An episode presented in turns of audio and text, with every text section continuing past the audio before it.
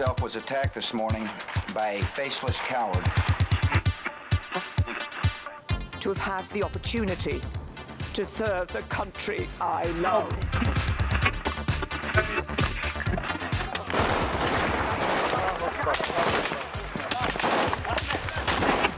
Den Einsatz für Frieden und Freiheit in Deutschland, in Europa und in der Welt. We will southern border. I beg you, please do not fail on this.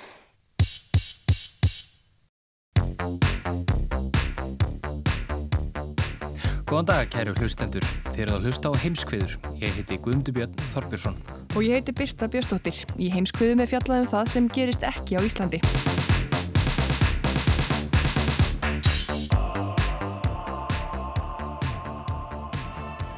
Þetta er nú meira árið, Birta. Já, það er alveg rétt.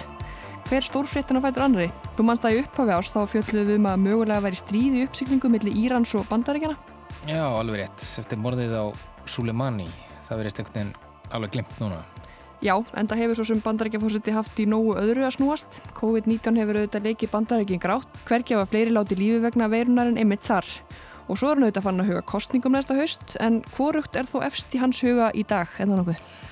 Nei, ætli það, ætli þessi ekki efst í, í hans huga og flestra bandarækjumanna morðið á George Floyd og afleðingar þess fyrir bandarist samfélag. Ég ætla að fjalla um þetta óhugnlega mál í dag sem hefur verið á allra vörum og ræði meðal annars við Ingebergur Sólurúnu Gísladóttur fyrirverandi utanreikis ráþara og nú fórstjóra líðræðis og mannreitindastofnunar ÖSI sem er Öryggis og samvinnustofnun Evrópu. Já, um stöðu líðræðis og mannreitindamála í bandaríkjónum og þá sérilagi þessari stöðu sem lítur að svörtum. Og ég ræði einnig Guðmund Halldórarsson, prófessor í sagfræði og fórsetta hugusindasviðs Háskóla Íslands um þetta gengdarlausa ofbeldi lögreglu í garð svartra sem er í raun hægt að rekja allarleið aftur til þrælahalsins. Já, þetta er einhvern veginn umrætt mál í alla staði og einhvern veginn þetta myndskeið er einhvern veginn sem maður getur ekki maður treystir sér allir að horfa á en þú veist það verður að gera það og það verður að tala um þetta og kannski ekki síst fyrir þau okkur sem ekki þekkjum þennan veruleika í raun.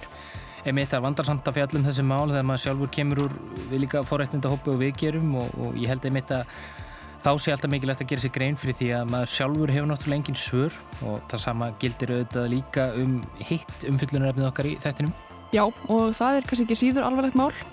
Í Jemen eru nú miljónir manna sem eru á barmi hungurdauða eftir linnulaus stríðsátök þær landi síðastlinn 5 ár. Það er stundum sagt að lítið sé fjallað um þessi átök hér en það hafaðu kannski fallið svolítið í skuggan af átökunum í Sýrlandi.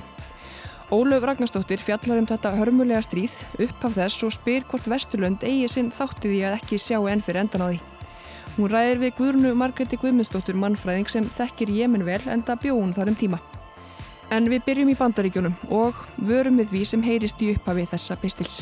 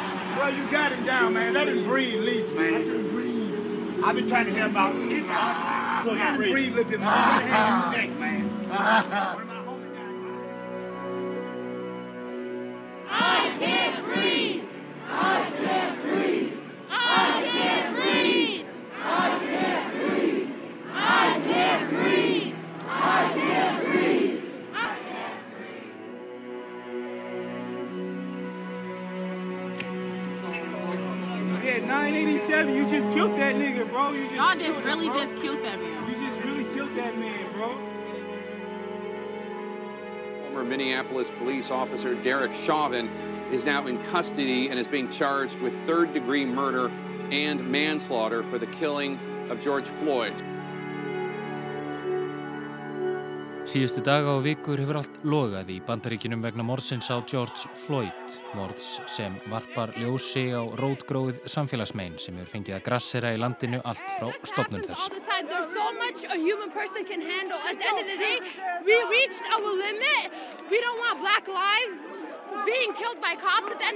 Í heimskviðum í dag er rætt um ofbeldi lauruglunar gegn svörtu fólki í bandaríkinum og þann djúbstæða klopning sem hefur einkjent bandarist samfélag á síðustu árum, klopning sem verðist vera að ná nýjum hæðum.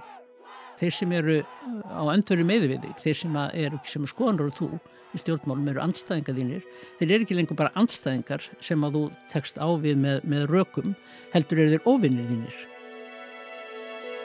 Segir Ingi Björg Solrún Gístadóttir og svo ræði við einnig við Guðmund Haldunásson.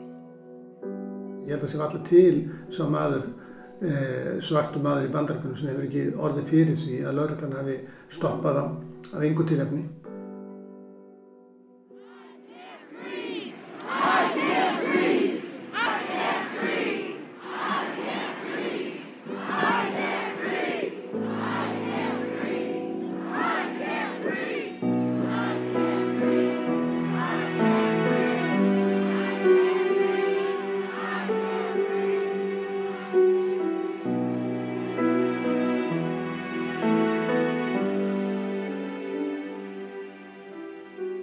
Hér áðan heyrði við hljóðbrót úr óhugnalegri tíu mínútna langri upptöku hinnar 17 ára Darnellu Freyser. Þar sést hvar lauruglumadurinn Derek Chauvin krýpur yfir hinnum 46 ára George Floyd í miðborg Minneapolis með hnið fast upp á hálsi hans. Floyd byður ítrekkaðu miskun og segist ekki geta andað.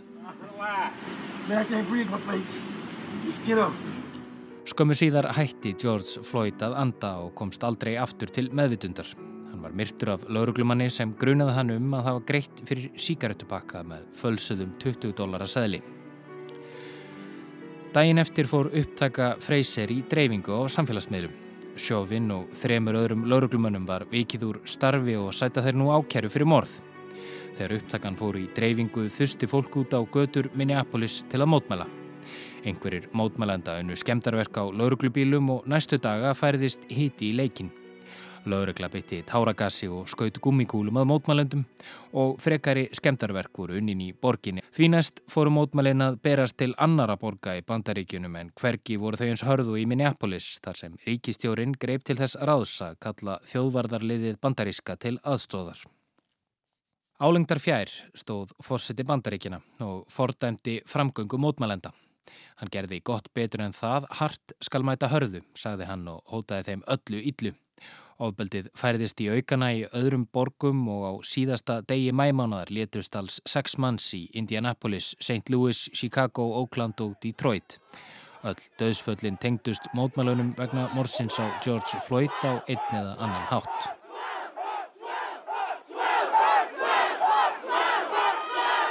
Og svona hefur þetta verið síðustu daga, þótt minna sér um skemdarverk og grípdeildir halda mótmælinn áfram, ekki aðeins í bandaríkunum heldur um allan heim.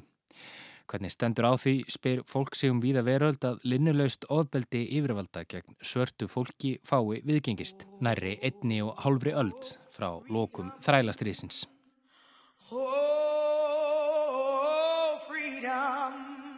Það er stundum talað um sem sagt uh, raunverulega þrælhaldi bandargjum eins og bandarísku erðasindina. Þetta er svona, þetta er eða uppbrunna sindina. Bandarísk samfélag verður til uh, á grunni þrælahalds og þrælahaldi hluti af bandarsku sögu í áhundruð og hérna það hefur aldrei einhvern veginn tekist að vinna úr þeirri arleið eh, þannig að, að þetta er lífandi en þá eh, þá bæði afstöðu einstaklinga til, eh, til fólks af afriskum uppruna. Er líka þá í svona þessum valdatengslum innan samfélagsins. Segir Guðmundur Haldónusson, professor í Sackfræði og fórseti hugvísindasins Háskóla Íslands. Við lók bandarísku borgarastyrjaldarinnar 1865, þar sem Norðuríkin undir fórustu Abrahams Lincoln báru sigurorð af Suðuríkunum sem höfðu líst yfir sjálfstæði frá bandaríkunum, var þrælahald formlega afnumið. Borgarastyrjöldin er því stundum nefnd þræla stríðið og að því loknu var svörtum karlmönum veittur kostningaréttur til viðbótar við afnám þrælahalds. En þótt þrælahald hafi verið formlega afnumið helt mismunun í garð svartra bandarækjumanna áfram og það í gegnum lagasætningar. Tilraunin til að afnema kerfisbundna mismunun í garð svarts fólks í bandarækjunum gekk því ekki. Það tókst ekki vegna þess að, að það einfallega tók, komist við valda í, í Washington e, stjórnmálöf sem, sem unnu gegn því þannig að Suðuríkinn heldu áfram þessari formlega mismunun þannig að sem eru þetta er við líðið þar alveg, alveg fram á sjönda áratug síðustu aldar og reyndar eftir það. Til að gera langa sögu stutta þá byðu Suðuríkin ekki bóðana eftir ósigurinn í borgarastyrvildinni og komu á lögum sem treyðu áframhaldandi aðskilnað millir kvítra og svartra og stuðluðu verulega skertum lífskeiðum og mannréttindum svartra. Þessi lög, Black Codes, gerði það verkum að svart fólk mótt aðeins búa á ákveðnum stöðum og vinna ákveðin störf. Aðskilnaðurinn var svo í raun formfestur með Jim Crow lögunum svokolluðu sem draða napseitt af niðrandi skopstælingu á svörtum. Lögin tóku gildi í Suðuríkjunum og gerði það að verkum að skólar, íbúðkverfi, almennisgarðar, kvikmyndahús, sjúkarstofnunir, fangilsi, dvalarheimili og sundlugar voru ekki fyrir bæði svarta og hvita, svo fátt eitt sé nefnt. Og þessi aðskilnaðarstefna var meira að segja í kirkigörðum. Það er ekki fyrir nárið 1964 í kjölfar linnulöysrar baráttu svartra aðgerðasinna sem ný mannreittindalög tóku gildi. Lögin átt að tryggja svörtum sömur réttindi og hvítum og sama ár hlaut Martin Luther King yngri friðarvelun Nobels. En það er ekki þar með sagt að svartir hafi síðan þá setið við sama borð og hvítir í bandaríkunum. En jafnvel í norðurfylgjunum þar sem að þrælahald var laungu afnæmið þá er þessi mismunum hefur hún eh, verið landlæg alla tíð síðan.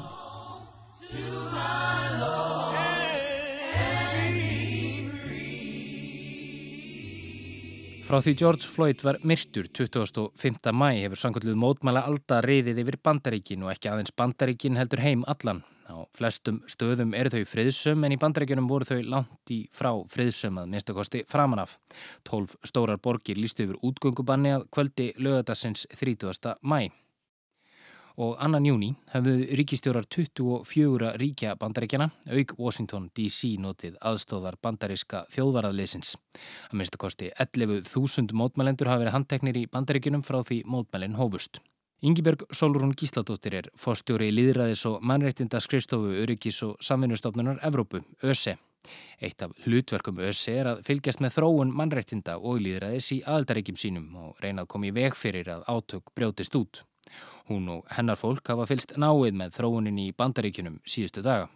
Ef, ef maður horfir á það eins og það lasi við núna í, í fjölmjölum að þá, þá er greinilega sínist mér eh, valdbeitingin of mikil valdbeiting í þessum gagvart mótmælendum. Það breytir ekki því að mótmælendur, eh, eða í hópi mótmælenda eru greinlega líka öll sem að, sem að beita, beita valdi.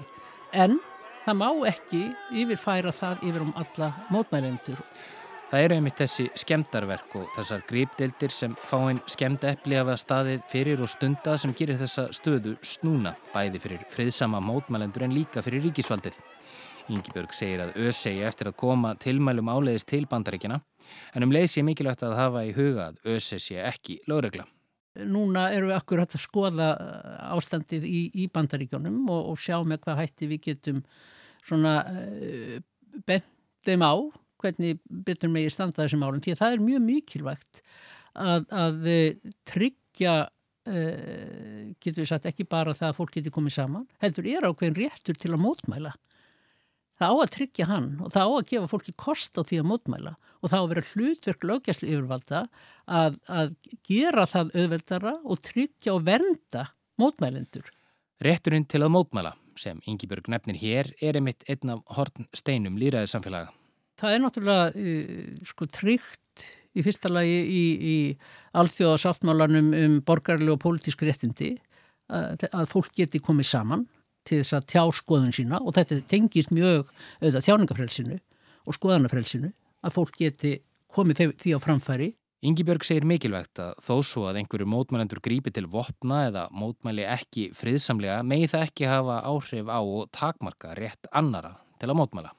En það þarf ekki að þýða það að það eigi við um mótmælindunar almennt og það er mikilvægt að yfirfæri það ekki yfir á alla mótmælindur þó einhver hópur grípi til, til ábeldis og að takmarka ekki rétt allra hinna til að koma saman og mótmæla.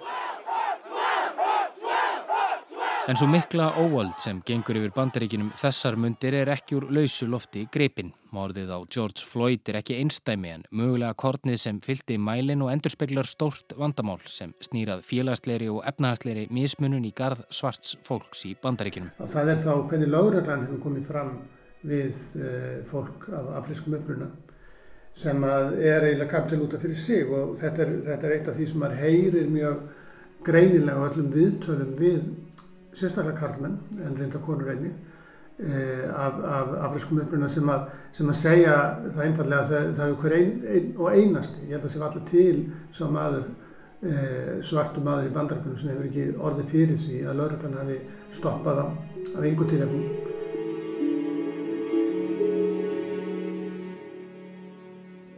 Ef að yfirvald umgengsti fyrirfram sem segan að það er ekki góð tilfinning.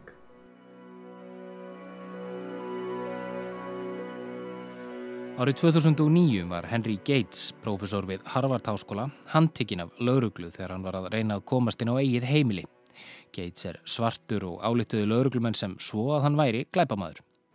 Í samtali við Boston Globe lísti Gates yfir nextlandsinni á þessari nýðurlægandi uppákomu en um leið hafi handtakað hans varpað ljósi á það hver margir verði á hverjum degi fyrir ofsóknum og ofbeldi að hálfu dóms og réttarkerfisins.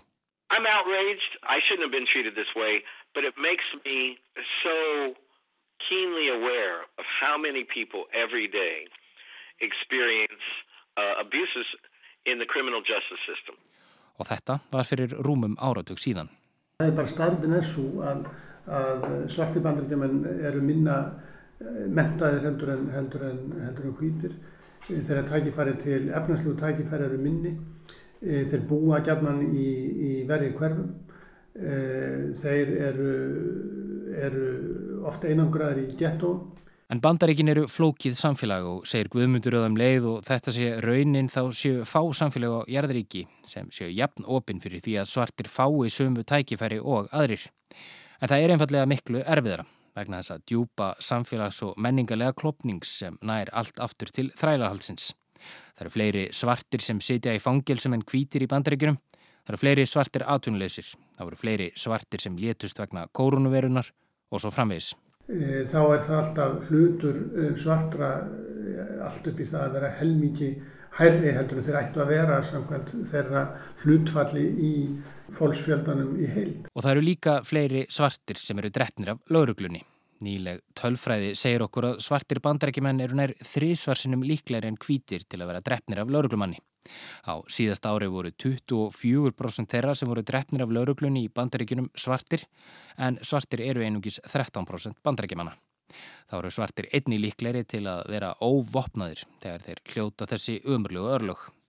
Fyrirnemd réttindabaráttra svartra á sjötta og sjönda áratug síðustu aldar í fórsetatíð Lyndon B. Johnsons skilaði svörtu fólki vissulega auknum réttindum Ópenbarlega allavega, en svo veriðist sem rætur aðskilnaðar og misréttis risti dýbra.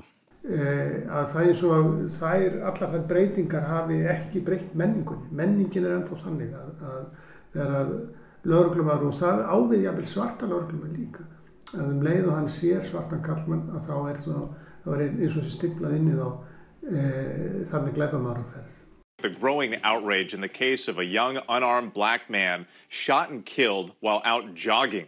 As a father and son now face murder charges in court. Hér heyru við sjónvarpsþul Good Morning America fjalla um morðið á Ahmud Arbery, 25 ára manni sem fór út að skokka í bænum Brunswick í Georgiuríki þann 23. februar síðastliðin.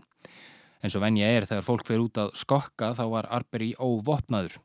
Tveir menn, Travis McMichael og fadir hans Gregory sem er fyrirverandi lauruglumadur, sátu í pallbíl og sáu hvar Arbery kom skokkandi í áttin að þeim. Tóku þeirru bissu, skutu Arbery og myrtu hann. Arbery var, það þarf kannski ekki að taka það fram, svartur. Allt þetta mál vekur vitaskuld óhug en hvað segja þessi viðbröð feðgan okkar. Þannig er svartur maður að hlaupa, hann lítur að vera glæpamaður, hugsa þeir. annars vegar það og hins vegar það að þessi fyrirvændi lauruglumar og skuli hafa fundist það, já, ég hef að það væri glæfumar áferð, að þann er þann rétt á að skjóta. Það væri, væri einfallega rétt og hvítsmanns að, að taka mann af lífi án dómsulaga sem hann grunað um eitthvað sem reyndar þessi tilviki var aldjör férstæður. Þeir feðgar hafa nú verið ákjærðir fyrir morð af yfirlöður áði en því miður eru morðin á Arbery og George Floyd ekki einangruð dæmi eins og framhefur komið. Mísréttið heldur áfram sama hvað hver segir og sama hvað öllum samfélagsbyltingum líður. Mísréttið kakvað svörtum eða rasismi er mjög inngróin þannig að, að í, uh, í, í bandaríkjónum. Segir Ingi Björg Solrún. Lengi býrað fyrstu gerð, segir máltækið. Já, en maður getur kannski sagt að, að hópar sem að frá alda öðli hafa verið uh, og mísætti beittir eða þar sem rætunar eru mjög sko djúpar og gamlar það geta verið svartir, það geta verið gifingar það geta verið konur að það er mjög sko fljótt einhvern veginn að, að uh, koma upp á yfirborðið svona ákveðin uh, ákveðin fordómar og ákveðin misrétti sem er einhvern veginn inngróið í samfélagsgerðin og hefur ekki tekist að uppræta fullkonu og þetta er alltaf að, að koma upp aftur og aftur. Þannig að það, menn verða alltaf stöðugt að vera varbekki kakka þessu og menn verða alltaf stöðugt að, að minna sig á að það eru þarna gamla rætur sem þarf að, að reyna að rýfa upp með einhverjum hætti.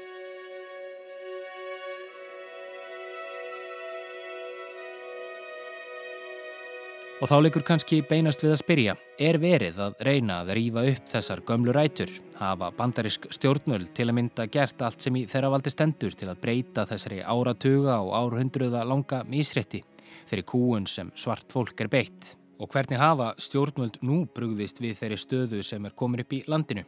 Hvernig hafa þau brúðist við réttlátri reyði almennings? Right, thank you very much. Appreciate it. I want to express our nation's deepest condolences and most heartfelt sympathies to the family of George Floyd. A terrible event, terrible, terrible thing that happened. Hér heyrðum við í Donald Trump fórseta bandarækina á bladamannafundi 29. mæ. Hann votar fjölskyldu George Floyd samúð sína og segir að þarna hafi ræðilegur atbyrður átt sér stað. And it's very important that uh, we have peaceful protesters and support the rights for peaceful protesters. We can't allow a situation like happened in Minneapolis to descend further into lawless anarchy and chaos and we understand that. Fossetin bætti því við að það sé mikilvægt að mótmæli fari fram með friðsamlegum hætti og það eru óerðir sem hafi átt sér stað í Minneapolis með ekki breyðast út og valda frekara stjórnleysi. Gott og vel maður skilur svo sem þessa afstöðu frá þjóðarleitoa en fyrstu viðbröð fósettans fjallu reynd ekki í kramið á landsmönnum. Í raunin ekki heldur hjá stjórnendum samfélagsmiðla. Birta, þú veist meira um þetta mál. Hvað gerðist þetta nákvæmlega? Sko á miðugudeginum eftir morðið á George Floyd þá skrifaði Trump á Twitter að bandaríska arlíkislauglan og dómsmálaráðunitið hafið, hafið rannsókn á það sem hann kallaði sorglegan dauða George Floyd.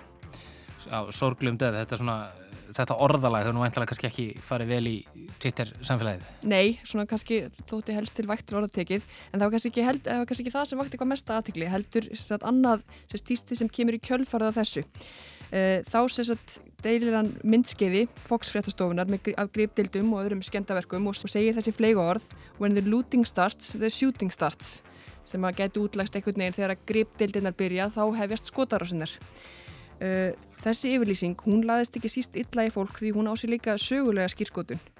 Orðin eru fyrst eignuð Walter Headley sem var lauruglufóringi í Miami og þarna þegar hann segir þau fyrst 1967 þá er hann að vara við sagt, glæpa öldu sem þá var í gangi vegna svona rósturs, vegna hérna, kynþáttamismunar og opelis. Mm. Og Twitter lit þetta ekki ótalið eða hvað? Nei, aðstuðu prestatnir á Twitter þeir ákveða að breyta stillingum á þessi tísti fósettans þannig að það væri ekki hægt að læka við það og mertu það síðan líka sérstaklega. Hvernig þá? Það kemur svona grár borði efst það sem stendur að, að það sem að stendur þessu tísti sé eða brjóti gegn reglum samfélagsmiðlisins um upphafningu og ofbeldi sérst, glorifying violence eins og það er kallað. En þeir ákveðu samt ekki að eigða tístinu heldur bara að vara svona sérstaklega við því. Áhugavert. Já, en Twitter hefur svo sem líka fengið gaggrinni á sig fyrir þetta. Af hverju, já, annars verður spurt af hverju Twitter, na, Twitter ekki lungu byrjað að vara við því sem mörgur sem fósitin og kannski aðrir segja í þessum efnum og svo kannski hinn þessi gaggrinni er þetta rétt skref fyrir samfélagsmiðil að stíga að fara einhvern veginn að rýtskoða sjálft og þauðs í einhverju dómarasætu um hvað megi setja hann inn og hvað ekki.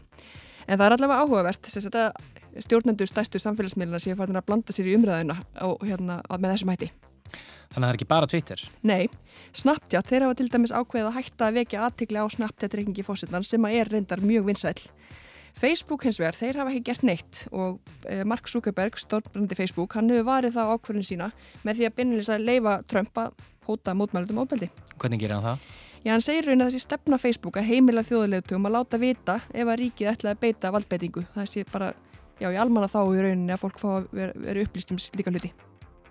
Takk fyrir þetta Byrta við segjum skilið við samfélagsmiðluna um sinn en eftir situr svo staðrænt að Donald Trump hefur ítrekkað haldið áfram að segja að hörðu verði mætt með hörðu. Sem fyrir segir er þjóðvarðarliðið komið til margra stóra borga í bandaríkunum og þótt mótmælinn séu með friðsamara móti nú en í upphafi þessarar viku og lok þeirrar síðustu. Varpar þessi staða skýru ljósi á þá djúbstæðu gjá sem verist vera í bandarísku samfélagi, gjámiðli ólíkra þjóðfélagshópa gjá sem virðist stækka og stækka. Oh beautiful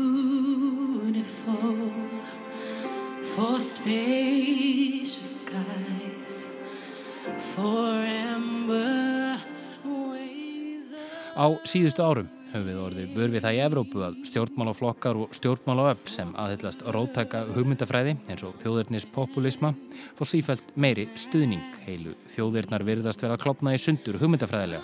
Og þessi klopningur eða polarisering hefur líka tekt ánga sína til bandaríkina sem hafa ekki farið varhluta af þessari þróun síðustu ár.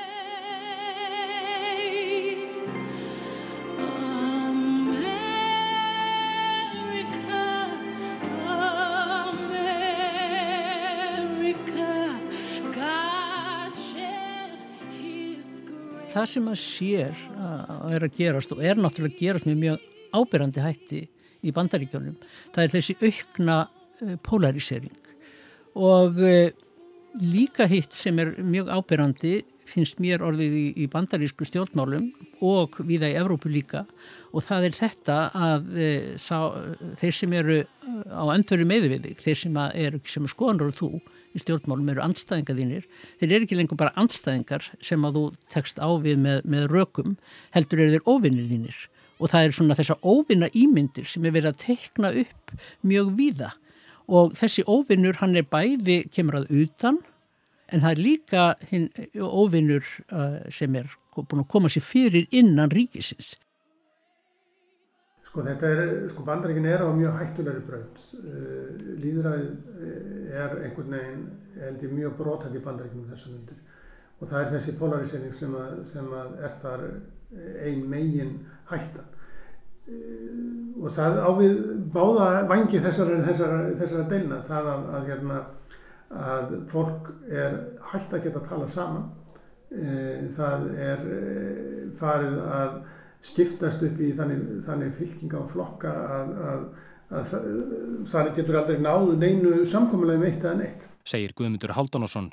Yngibjörg Solrún nefnir einning að aukin miskipting fólks eigur á þennan klopning. Auður sapnast á færri og færri hendur og fleiri finna fyrir því að afkoma þessi í hættu.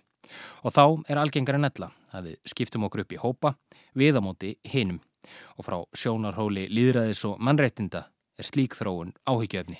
Hún er alltaf áhyggjöfni vegna þess að, að sko, aukin polarisering og sérstaklega þegar að vera svona eitrað politist andrunsloft eh, eins og maður sér mjög víða þá er sko þá er dregnar upp svo sterkar ofinnamindir og þá er svo auðvelt að leita einhverjum hópum sem eru eh, hérna, hvað segir maður, sökudólgarnir Það geta verið muslimar, það geta verið inflytjendur, það geta verið gefingar, það geta verið rómafólk, það geta verið bara eh, erlend vinnuafl eða, geta, eða hvað sem er.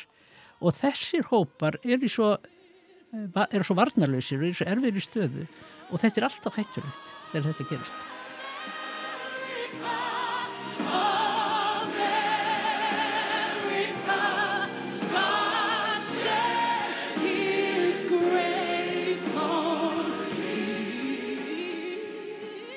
Ég velti því fyrir mér hvort fósittin sjálfur sé nokkuð alveg saglusa því að stuðlað slíkum flokkadráttum.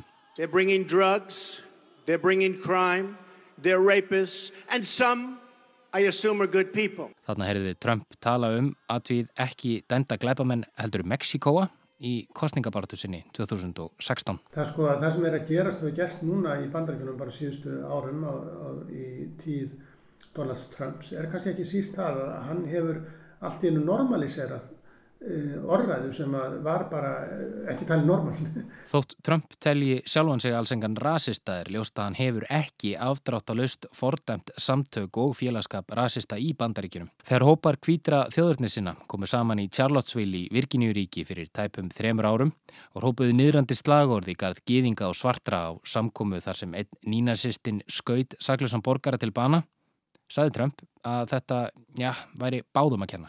I think there's blame on both sides. You look at, you look at both sides.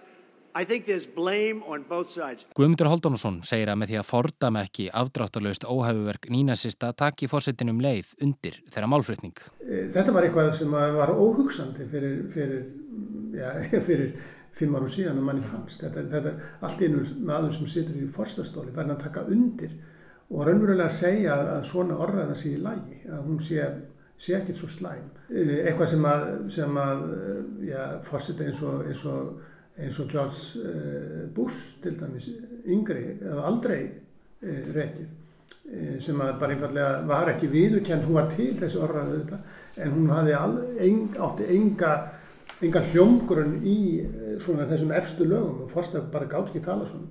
Donald Trump tala svona Hvað gerist næst og hvað er til bræðs að taka þegar stórt er spurtur oft fátum svör bandarisk þjóð upplifu nú undarlega tíma? Næri tvær miljónir koronaviru smita af að greinst í landinu og yfir 100.000 látist í faraldrinum. Engin þjóð kemst þar í hálfkvisti við bandaríkin. Kosið er til fórseta í haust og eins og staðinir núna getið það vel gerst að Donald Trump byrði endurkjörin. Þeir kann að þykja það ótrúlegt kæri hlustandi ekki aðeins vegna viðbræða hans við útbreyslu koronavirunar í landinu og rætt hefur verið um áður í heimskvöðum eða viðbræða hans við morðin á George Floyd nú eða öllu hinu sem hann hefur áorkað eftir næri fjögur ára setu og fórsetastóli. En það er nákvæmlega það sem er til marg sem um þennan djúbstæða klopning í bandarísku samfélagi sem okkur hefur orðið tíðrætt um í þessum pisti.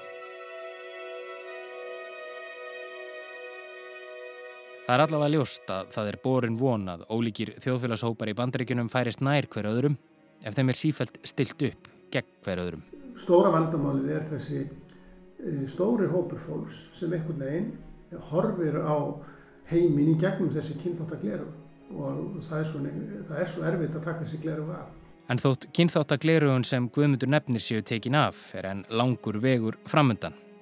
Ætli það sé ekki fyrst þá sem vinnan geti hafist það er ekki nóg heldur að menta fólk, menta konur, menta svarta, menta e, e, inflytjendur, menta rómafólk ef að breytist ekki á, á hinumentanum hjá þeim sem ætla að taka móti þessu fólki. Þar er vandin, þar líkur líka fordómanir og það þarf að reyna að vinna með sko hugafar allra þeirra sem einhverju ráða í samfélaginu og, og þeir þurfa að breytast og þeir þurfa að setja gott fordæmi og þeir þurfa að senda skýr skilaboð og þeir þurfa að vera fyrirmyndir. Það er ekki að, að varpa byrðinni bara á alltaf þá sem að eiga aðlagast hinnum.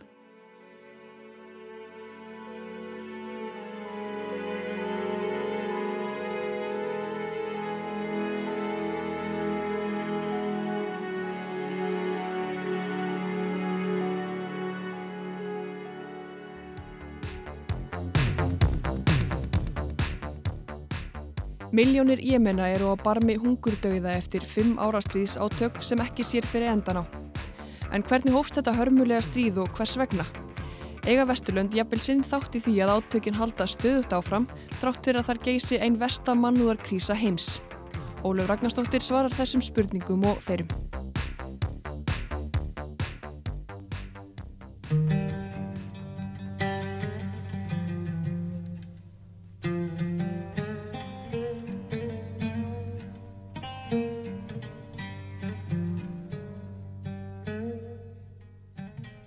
Arabia Felix, hinn hamigjusama Arabia eða hefna Arabia.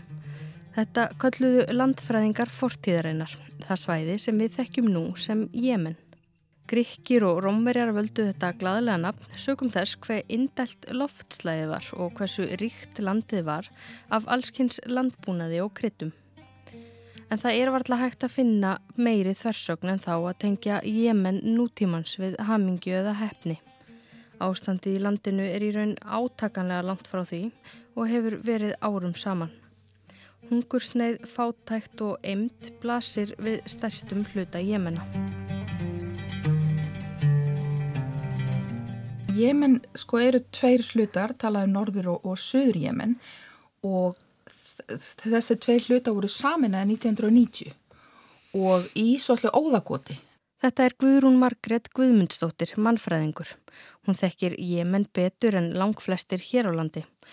Hún bjóð þar sjálfum tíma og ef þér hlustandi góður finnst eins og þú hafið heyrt á hana minnst í samhengi við Jemen áður, þá gæti að veri vegna þess að hún þurfti að flýja þaðan með dætur sínar tvær, kornungar, árið 1994 og var talsvert í fjölmiðlum hér á landi á þeim tíma. Þá eins og nú var borgarastyrjöldi í landinu. Hér ætlum við að einbita okkur á þeirri sem nú geysar, glemta stríðinu í Jemen. En til þess að skilja það sem er að gerast í dag er nöðsynlegt að leggjast í örlittla sögurskoðun. Ef þú skoðar þessa tvo hluta, þessa hluta Jemena, þá er, er í raun og veru menningarlega og trúalega mjög ólíkir hópar og hérna, þó að allir tengjast hennu hérna, hamingjuríku Arabíu eða, eða Jemen, Jemen á kallað til forna, Felix Arabíu. Og til þess að gera langasögu mjög stutta tók það áratugi að komast á þann stað að norður og söður Jemen varð loks saminað. Eftir 1990 á þetta að vera eitt land en hann sagði það Ali Abdullah Saleh sem tók við sem fósetti 1978, hann tók, hann tók það fram að, að það að vera fósetti í Jemen er eins og að, að dansa á hausnum á snákum. Þú veist það er allir að reyna að býta í þig.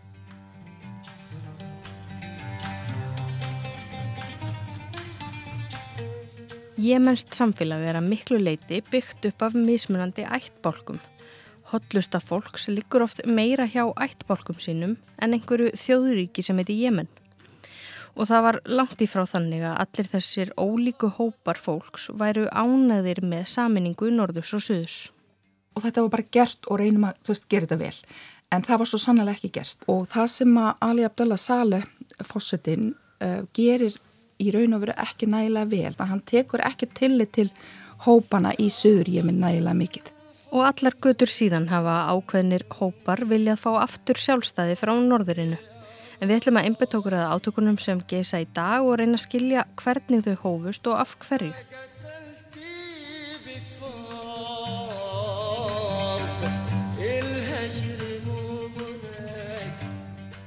Að einhverju leiti má segja að átökin eigi rætur að reykja til arabíska vorsins svo kallaða. Líkt og í Túnis, Sýrlandi og Líbjum og fleiri arabalöndum þurstu jemennar út á götur þar sem einn helsta krafan var afsögn fósettans til 33 ára. Og í nóvember 2011 gerðist þetta. Three times President Ali Abdullah Saleh has been a no-show for this agreement. Until now, he couldn't let go of his 33-year rule. Ali Abdullah Saleh samþykir að láta af völdum. Við tekur varafósettin Abdurabú Mansur Hadi. Hann er meiri segja kvosinn fósetti í februar 2012. Reyndar var hann einn í frambóði. En við tekur viðamikið verkefni að reyna loks í eitt skipti fyrir öll að ná sáttum allra þessara ólíku hópa fólk sem búa í Jemen. Það sem Hadi stýrir þarna er mjög merkild fyrirbæri og þetta er rosalega sjaldan talað um og það er það að það var ákveðið svona þjóðfundar ástand í marga, marga mánuði í Jemen eh, 2012 og 2013. Guðrún Margret segir að þarna hafi í raun tekist að gera það sem áður hafi verið reynd svo oft. Fjölmarkir afar ólíkir hópar settust að samningaborðinu. Konur áttu sína fulltrúa. Jemen hefur emitt lengi verið á meðal vesturíkja í heimi hvað varðar kvennréttindi og kynjamissetti. Þá rættust við trúleysingjar og fulltrúar frá Al-Qaida. Og eftir margra mánada viðræður voru þær langt komnar. Í það minnsta voru komin einhvers konar drögað samningi. Ákveði var að skipta Jemen í sex hluta. Þá ótti að semja nýja stjórnarskrá og erindrekar frá saminuðu þjóðunum mættu til leiks, bóðinir og búnir til aðstóðar. Það sem gerist þá, þarna um 2014, er að hútarnir fá nóg, þeim finnst ekkit ganga. Hútar í Jemen er fjölmennur minnihlutahópur síamúslima. Þeim fannst þeir ekki vera að fá mikið fyrir sinnsnúði viðræðunum og kantinum býður einni Ali Abdullah Saleh. Þeim munið fyrirverandi fósetti til 33 ára sem var rakin frá völdum aðeins þremur árum áður. Hann gerir samkómulag við hútana sem eru fyrir miklir óvinnur hans og eiga mjög blóðu að sögu hútar og Ali Abdallah Sala en þeir saminast þarna, ráðast inn í Sana, taka yfir söðurhlutan. Þarna er allt á söðupunkti í Jemen, landið aftur á barmi þess sem samningaviðröðunar áttu að afstýra. Lítið þurfti til að borgarastyrjöld breytist út enn á ný. Og þá gerist þetta. Um 130 almennir borgarar hafa fallið í árásum Sáti Araba og bandalagsþjóða á Jemen. Á fjórða hundra hefur særst, fjöldamarkir almennir borgarar er á vergangi og hafa mist allt sitt. Fljótlega ákveður Jamal Benomar, sérstakur erindriki saminuð þjóðinni í Jemen að hætta því starfi í nokkru fússi.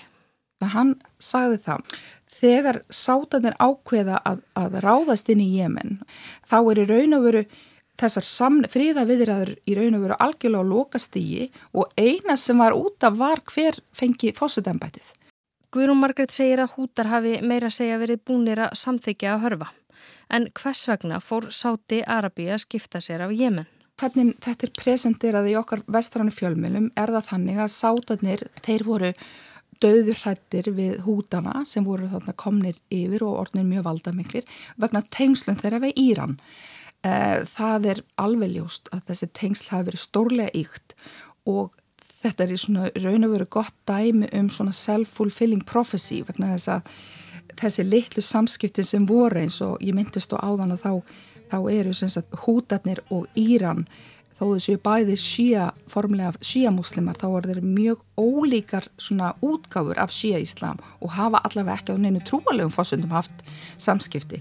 En sátarnir nýta þetta og, og segjast vera döðrættir ná að sannfæra bandaríkin. Þessu hafa fleiri en Guðrún Margret haldið fram. Að tengsl húta við Íran hafi ekki verið svo mikil í raun, allavega ekki til þess að byrja með. Þau hafi síðar styrst eftir að Sáti Arabia hóf herratnaði í Jemen. Svo leiðis að það er mjög fyndið ef þú skoðar svona, þú veist, hútarnir einhvern veginn núna í svona síðustu nokkru árin, eða þú ser þá vera með eitthvað svona kröfuspöld Death to America, Death to Israel veist, þetta er nýtt, þetta aðbæðir upp eftir sko Íran, þetta var náttúrulega kvarlað aldrei á, af þeim mörgum mánu fyrr. En Sáti Arabia hóf ekki loftárásir í Jemen einu og stutt. Myndað var hernaðarbandalag sem sátar leittu og leiða enn. Eitthvað hefur kvartnast úr því bandalagi en það samastendur af nokkrum þjóðum. Þar á meðal saminuðu arabisku fyrstadæmanum Egiptalandi og Marokko. Hernaðabandalagi nýtur einni stuðnings bandaríkjana breyta og frakka. Sástuðningur hefur helst verið í formi vopnasölu og þjálfunar. Það vakti aðtegli 2018 þegar þær fregnir bárust að því að hernaðabandala sáta væri að nýta sér hermenn frá Al-Qaida. Ekki beint félagskapur sem allir sækja í en bandaríkjaman voru fljóttir að sverja af sér þau tengsl. Hvort sem það er satt eða ekki, um það verður ekki fullirt hér, en það er staðrind að vopnasala Vesturlanda á sinn þátt í átökunum í Jemen. Átök á fjarlægum slóðum eru stundum ekki jafn fjarlæg og þau virðast. Stundum standa mál okkur nærri en við höldum og þar er skemst að minnast umfyllunar kveiks frá því fyrir réttum tveimur árum. Komiði sæl. Íslensku lög og alþjóðarsáttmálar bannaða vopn séu flutt til svæða þar sem þau eru notuð gegn almenningi eða í stríðskleipum. Þrátt fyrir þetta hafa íslensk yfirvöld heimila flutninga vopna til Sáti-Arabíu þaðan sem þau berast til Jemens og Sýrlands. Þetta kemur fram í fréttaskýringa þættir um kveik í kvöld. Rannsóknir kveiks og fleiri síndu að vélar frá Eratlanda hafðu ítrekkað flutt vopn til Sáti-Arabíu og það með heimild frá íslenskum stjórnvöldum. En það er einmitt engin í heiminum sem kaupir jafn mikið á vopnum og sátar og ekkert ríki selur fleiri vopn en bandaríkjaman. Þetta kemur fram í nýri rannsókn sænsku samtakanaði Stockholm International Peace Research Institute. Með öðrum orðum, það er hagur bandaríkjamanna og þetta fleiri vopnasölu þjóða að áfram sé barist í Jemen.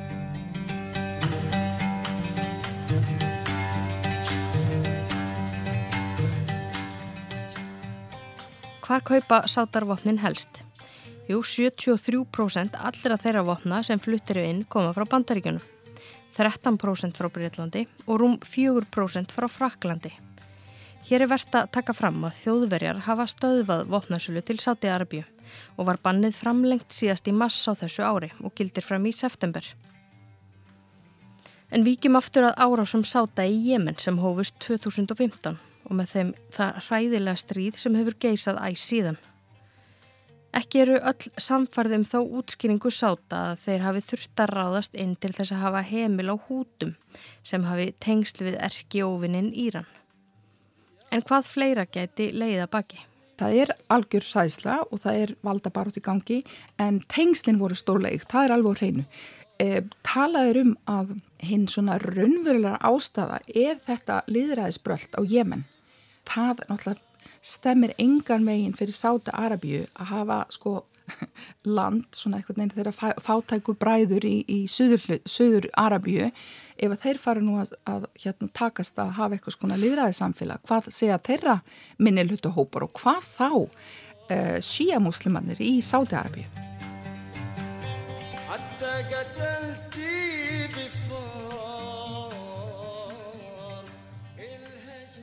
Afleðingar stríðsins eru hræðilegar sama hvernig á það er litið. Áður en stríðið braust út var Jemen þegar fátakasta land mið Östurlanda. Landi var í, í sko, það var algjört neyðar ástand og, og mannúðar krísa í gangi nú þegar 2014 og 2015 þegar þetta er að gerast. Á sama tíma og hernar bandalagsátariðist til allugu var sett happan á Jemen. Ekkert fyrir inn eða út og tilgangurinn, segja sátar, að passa það að vopn flæði ekki inn í landið. En á sama tíma er, er í raun og veru stöðvaðar allar, allar sko mannúðar, mannúðar gognir eru stöðvuð, innflutningur á mat stöðvaðir, þannig í raun og veru bara svo síðan 2015 má segja að það hefur bara reynlega verið að svelta Jemena inn í landinu. Í Jemen búa næri 30 miljónir, yfir 20 miljónir búa við fæðu óerögi og 10 miljónir manna eru beinlinis að svelta. Þrjár miljónir jemena er á vergangi í landinu og fólk kemst ekki langt. Einu landamærin er að Óman sem lítið hefur skipt sér af málum og er með harðlókuð landamæri og svo að sáti Arbíu. Fólk kemst því ekki neitt. Einn þeirra sem er á flótta í eigin landi er hinn 15 ára Ibtisam. Hún býr á samt sjö sískinum sínum í tjaldi. Fóreldrænar létust árið 2015. Ibtisam er eina fyrirvinna sískina sinna, ef svo má segja. Flesta daga nærast þau á tegi og uppþórnuðu brauði. Þau reyða sig einni á nágranna sína sem sjálf eiga úr afar litlu að móða. Í samtali við hjálpar starfsfólk segist Ibtisam sakna fóreldra sinna mikið. Ég vildi að ég hefði dáið líka. En hver ætti þá að hugsa um sískinni mín, spyr hún. Á VF Otja, sem er samhafinga skrifstofa saminuðu þjóðana í mannúðarmálum, má lesa fleiri frásagnir úr reynsluheimi í Jemena. Einn þeirra er Saga Abrar, en hún er einn þeirra tvekja miljóna barna sem eru alvarlega vannerði í landinu. Fadir hennar beigð heima á meðan móður hennar lagði í nýju klukkustunda ferðarlag á næsta sjúkrahús. Abrar var 12 ára og tæp 13 kíló þegar hún var lögðinn. Til samanbörðar þá er meðalþyngd stúlkna á þessum aldri tæp 40 kíló. Eftir nokkra daga á gjörgjæslu var hún útskrifuð og fór aftur heim í þorpið sitt. Það fylgir ekki sögunni hvernig henni reyðir af í dag, sé hún enn á lífi.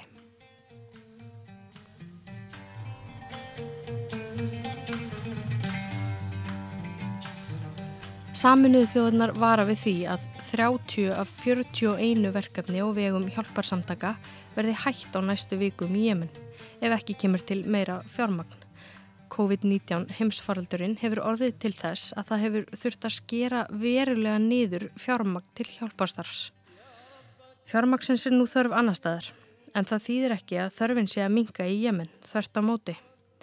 Ef framheldur sem horfir getur flóttamannastofnun saminuð þjóðana ekki lengur veitt aðstóð fyrir miljónir manna sem eru upp á líf og dauða. Í vikunni bárð svo þær fregnir að blása eftir til söpnunar fyrir Jemen. Takmarkið var að sapna 2,41 miljardi bandaríkjadólara, hvorki meira en ég minna, fyrir auðmyggja stríðsræða Jemen. Það sem mörgum þótti skjóta skökku við er það að Sáti Arabia fór fyrir söpnuninni með saminuð þjóðunum. Þarna voru sátarsæðir gefa með annari hendinni og skjóta með henni. En einn tilraunin til þess að bæta ímynd landsins á alþjóðavísu, sögðu aðrir. En hvernig gekk að sapna þessum 2,41 miljardi dollara? Ekki mjög vel. 1,35 miljardur dollara sapnaðist þó, eða vilirði fengust fyrir þeirri upphæð. Sáti Arabia var mjög örulát og ætlar að gefa 500 miljónir dollara. Bandaríkin 225 og brettar 200. Ísland let ekki sitt eftir líkja og tilkynnti um 30 miljóna króna framlag. Ástandið í Jemen er flókið, erfitt og átakanlegt. En það verist samt ekki jafn mikið fjallað um það og stríðið í Sýrlandi sem dæmi. Glemta stríðið er stríði í Jemen stundum kallað. En svo veltum maður fyrir sér, er það glemt eða er þetta bara afneitun? Þú veist, við lífum ekki horfast í augu við þetta. Bandaríkin, breytar og frakkar eru stiðja sáta og, og bandalægið í þessum stríðsbröldi sínu. Ef að, ef að bandaríkjan myndi ekki stiðja þau þá myndi þeir sátanir ekki geta verið staðið í þessu stríði. Guðrún Margret segir að einnig gæti stundum tvískinungi í umfjöllunum stríðið. Þú heyrir umfjöllunum um á Íslandi, heyrir og allstaðar, bara heyrir umfjöllunum um þetta stríð, þá er alltaf talað um hútana sem eru stuttir af Íran. En það er aldrei sagt um, sátar og bandalagi sem eru stuttir af, af bandaríkjunum breytum og frakkum. Vegna þess að ég held að ég veit ekki, þetta er, þetta er ekkit samsærið þetta er bara það að það er óhugnaður að tala um þetta stríð og það er mjög óhugnalegt fyrir borgara í bandaríkjunum og Breitland og Fraklandi að átta sig á hvað þeirra stjórnvöld er að taka beinan þátt í þessu stríð það sem í raun og veru er í raun og veru bara verið að svelta fólk til bana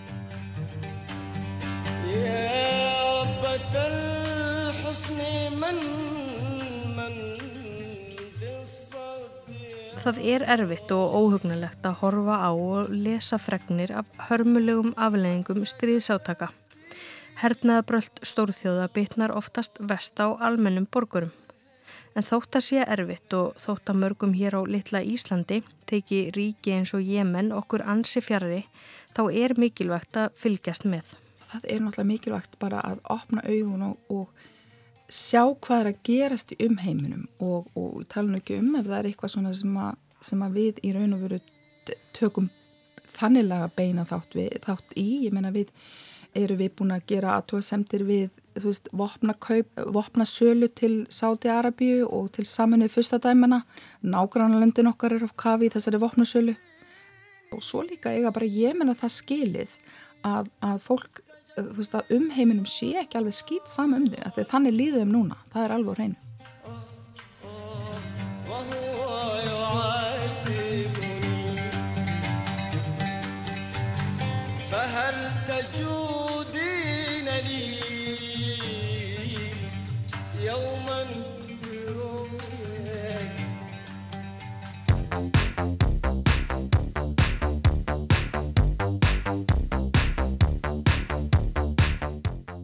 Heimskuður verð ekki fleiri þessa vikuna. Þátturinn er aðgengilegur á öllum helstu hlaðvarpsveitum, Spotify, iTunes og öllum hinnum.